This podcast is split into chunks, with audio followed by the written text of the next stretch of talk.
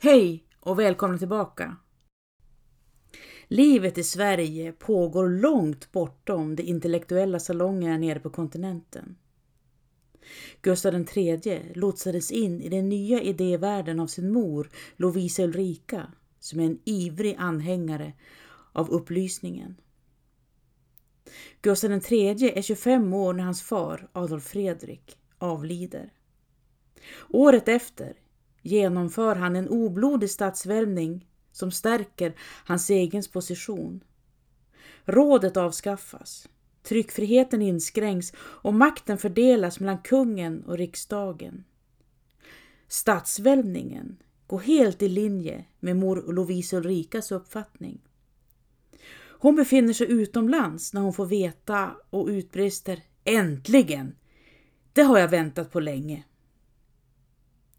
Gustav III genomdriver en rad radikala reformer i upplysningens anda som inte är populära i alla läger. Tortyr avskaffas som förhörsmetod och istället låser man in fången och låter fången sitta till den bekänner. Hur lång tid det än må ta. Hälsovården förbättras för de fattiga. Administrationen rensas från maktmissbruk och korruption. Lönestaten förbättras för ämbetsmän och andra trosbekännare än lutheraner tillåts existera i samhället. Det låter nästan för bra för att vara sant, säger Sancho Panza. Kanske det, svarar Don Quixote.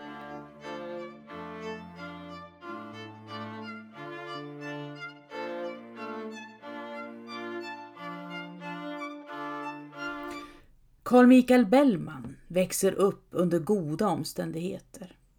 Hans far arbetar som slottskanslist och morfar är präst. Carl Michael undervisas i hemmet av informator. Men som vuxen får han svårt för två saker. Arbete och pengar. Carl Michael Bellman umgås hellre på krogen än arbetar. Han diktar, spelar sittra och klaver. Och enligt samtida vittnesmål är han en skicklig och karismatisk estradör.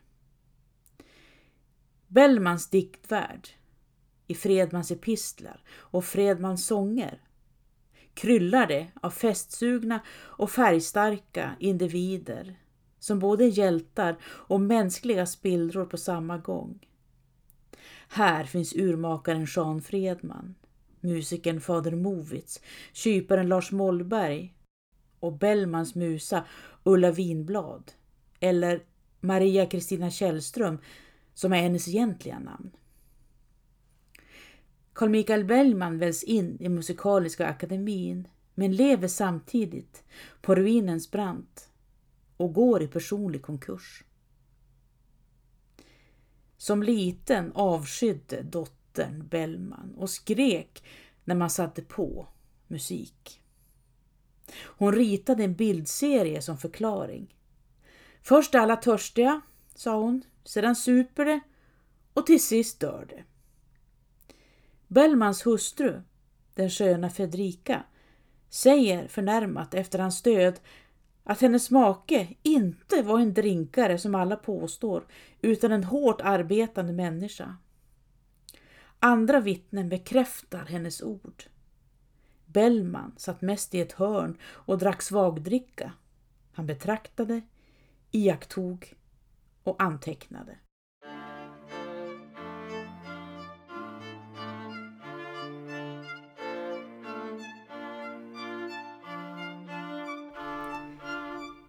Ulla, Maja Sina Källström, hade rykte om sig att vara prostituerad.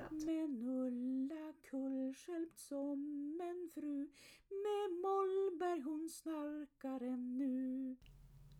Maja-Stina kommer ur extremt fattiga förhållanden och arbetar bland annat som silkesrederska med goda vitsord.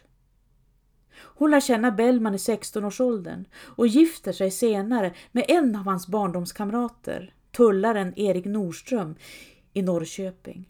Maken super och slår henne. Så efter hans död flyttar Maja-Stina tillbaka till Stockholm. Vid den tiden har hon blivit lite av en halvkändis och folk sjunger Bellmansvisor när de får syn på henne. Epistel nummer 71 Ulla i fönstret och fiskartorpet middagstiden en sommardag. Ulla, min Ulla, säg får jag dig bjuda rödaste smultron i mjölk och vin. Är det icke gudomligt i fiskartorpet, vad gudomligt att beskåda? Är det icke gudomligt? Dessa ägnarna gudomliga, gudomliga. Man kan undra vad som är gudomligt, Ulla eller torpet, muttrar Sancho Panza. Ja, men torpet såklart, svarade Don Quixote. Maja-Stina gifte senare om sig med en Erik Lindstål och slår sig ner på Södermalm.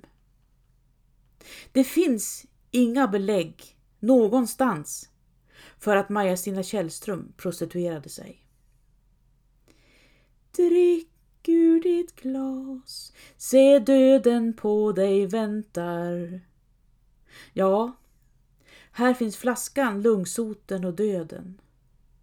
Och Carl Michael Bellman skriver om fader Movits. Din lungsot, den drar dig i graven.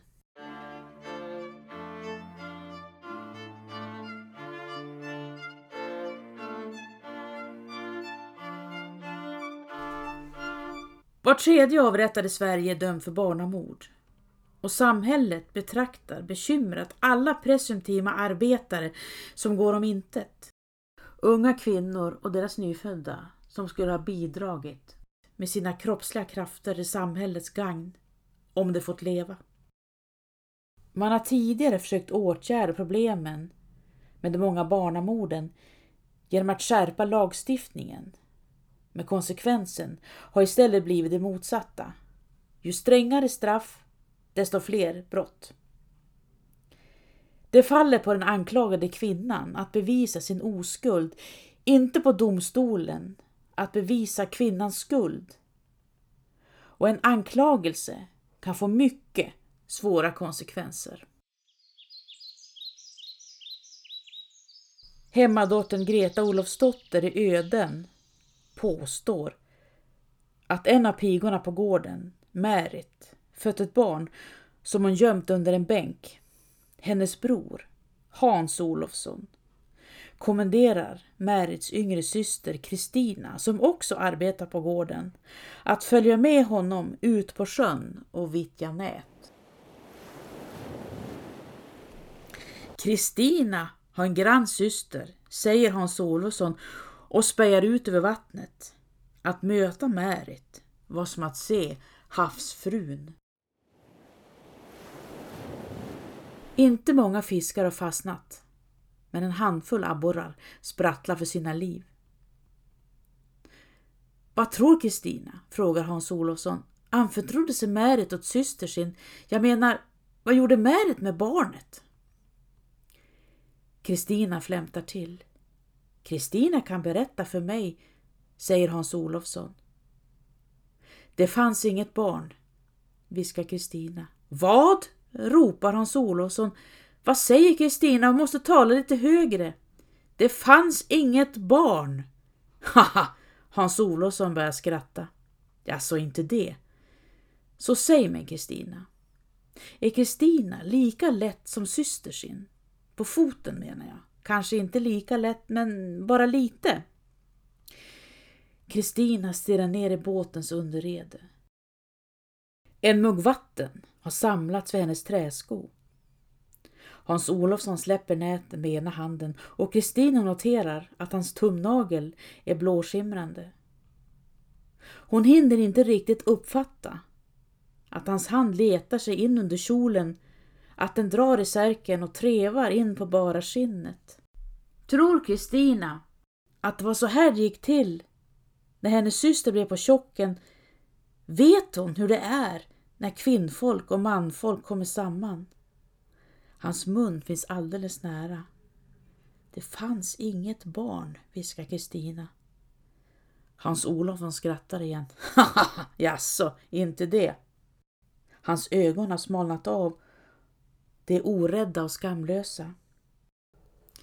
Kristina puttar undan honom. Hon reser sig upp och båten kränger till. Och Kristina som simmar så illa. Ärelösa kar, skriker hon åt Hans Olofsson. Myl! Ärelösa kar! Hon sätter sig ner och klamrar sig fast i båtens akter. Ryktet om Märet och bänken når även systrarnas far som stämmer Greta Olofsdotter inför tinget för spridande av illasinnade rykten. Det möts i tingssalen. Det är en grov anklagelse, dundrar Märits far och höjer näven mot Greta. Påstå att min dotter skulle ha fött ett barn och gömt undan det.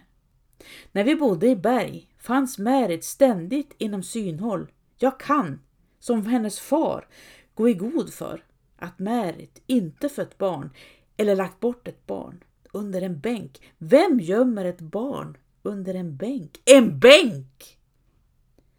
Greta Olofsdotter rycker till och stirrar skräckslagen upp mot Johan Persson som fortsätter. Inget barn hittades i berg, inte någon annanstans heller för den delen. Greta sitter i bänken. Hon svarar inte med ord, men efter en stund kommer en liten nickning från hennes håll också. Jag vet ingenting, säger hon. Jag tror att det var Stina som berättade för mig. Johan Persson harklar sig. Han är vred, det syns lång väg. Det hade kunnat bli döden för Märit, dundrade han. Allt detta huvudlösa sladdrande.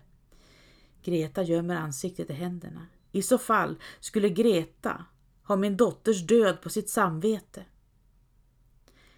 Rättens ordförande tittar ilsket mot Johan Persson. Nu lugnar han ner sig, säger han. Men det är en allvarlig anklagelse som kan få mycket svåra följder, fortsätter han. Där har Johan Persson rätt i sak. Greta vaggar fram och tillbaka. Och när alla lämnat salen sitter hon sist kvar med blicken fäst på sina skor.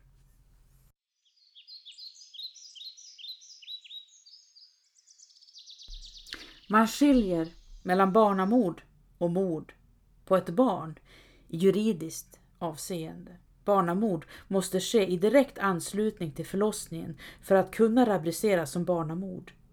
Annars är det mord. Skillnaden, och det som är förmildrande, är den psykiska stress som förmörkar omdömet direkt efter en förlossning.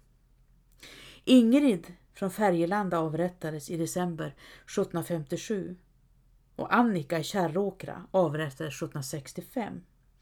Den 21 juni 1768 avrättas 26-åriga Margareta Fransdotter på Hällemon i Färgelanda, på samma plats som Ingrid nio år tidigare. Margareta hade fött ett barn, förmodligen i april månad, som senare hittades i en av ugnarna på gården. Barnets far, drängen Halvar, på samma gård, döms till böter för förbjudet umgänge med en annan ogift.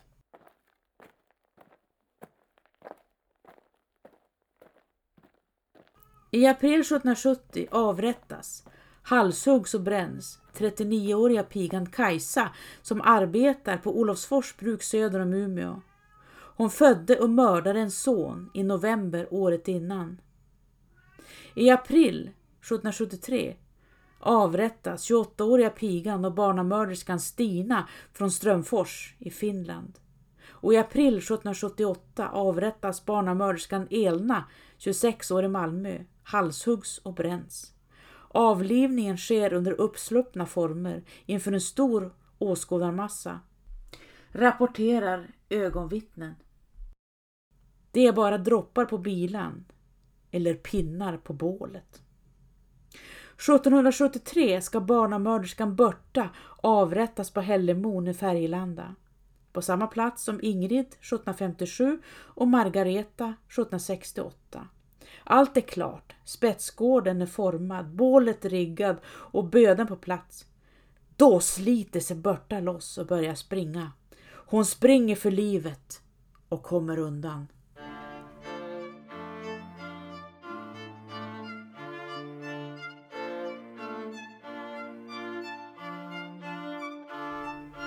Barnamordsplakatet från 1778 är Gustav III skapelse och slår fast att barnamord inte är en ondskans handling utan förtvivlans. Det är ett gigantiskt tankesprång. Istället för att straffas hårt ska barnaföderskan skyddas från offentligheten. Kvinnan ges rätt att vara anonym och kan lämna ifrån sig sitt barn utan att uppge sin identitet. Dödsstraffet kvarstår visserligen, men kvinnan får en möjlighet ut ur en svår situation. Så nu, fader okänd, har funnits så länge man kan räkna, men nu finns moder okänd också.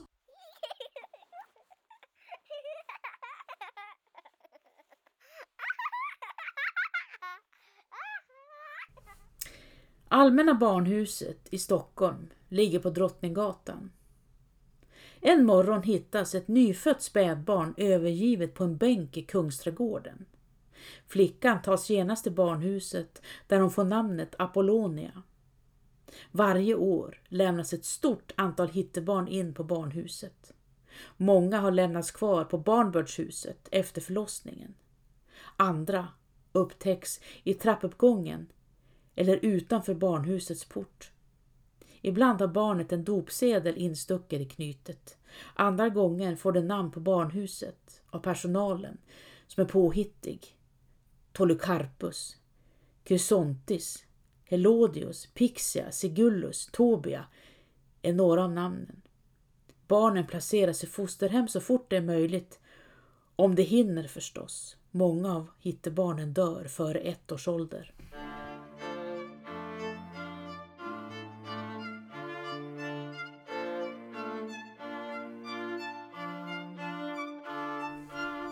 1789 driver Gustav III igenom säkerhets och föreningsakten som gör honom i det närmaste enväldig.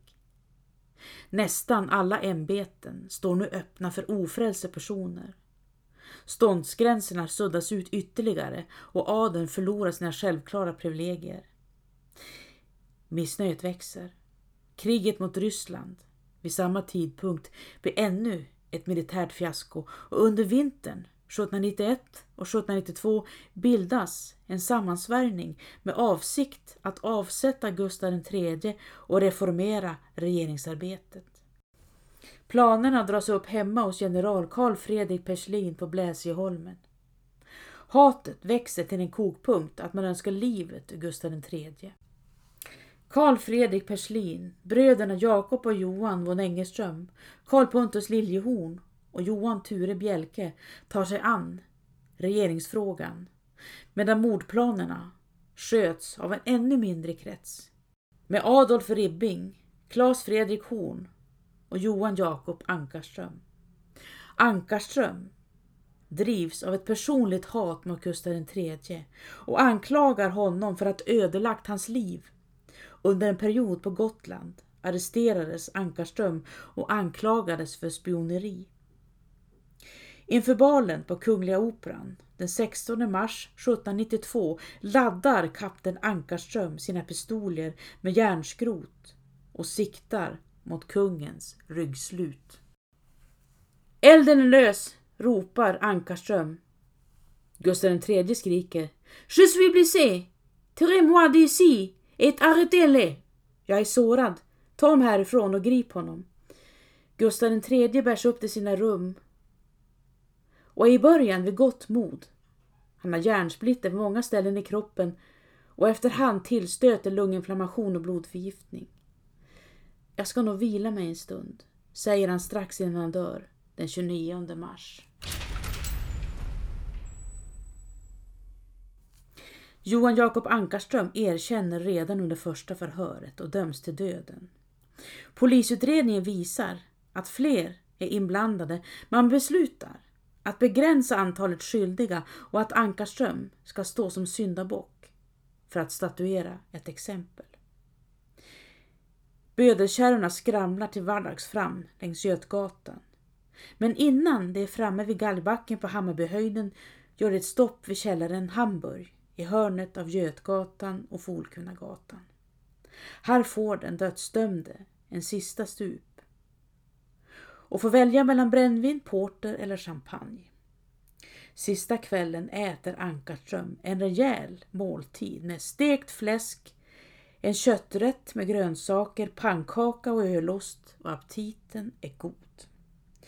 Avrättningsdagens morgon äter han två kotletter och en stor skål med mjölk och bröd. Redan tidigt på dagen har folk samlats längs Götgatan. Det är ett strålande väder och Ankarström ser glad ut. Vid avrättningsplatsen på Hammarbyhöjden väntar skarprättaren Jonas Bergman och hans rackare. Ankarström hälsar mot upp mot fönstren.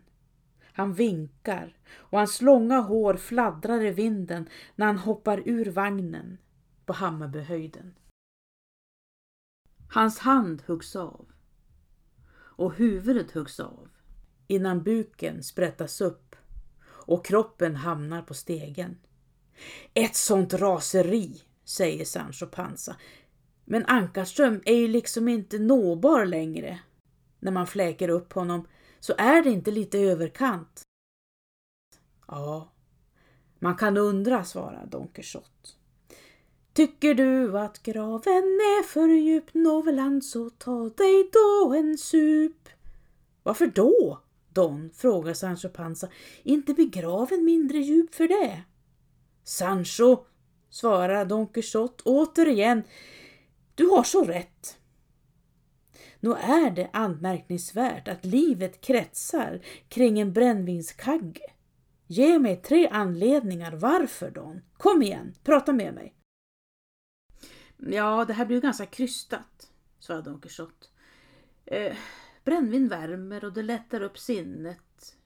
Det var två. Och så mat. Istället för mat. Hmm, det får vi nog tänka på, svarade Sancho Panza.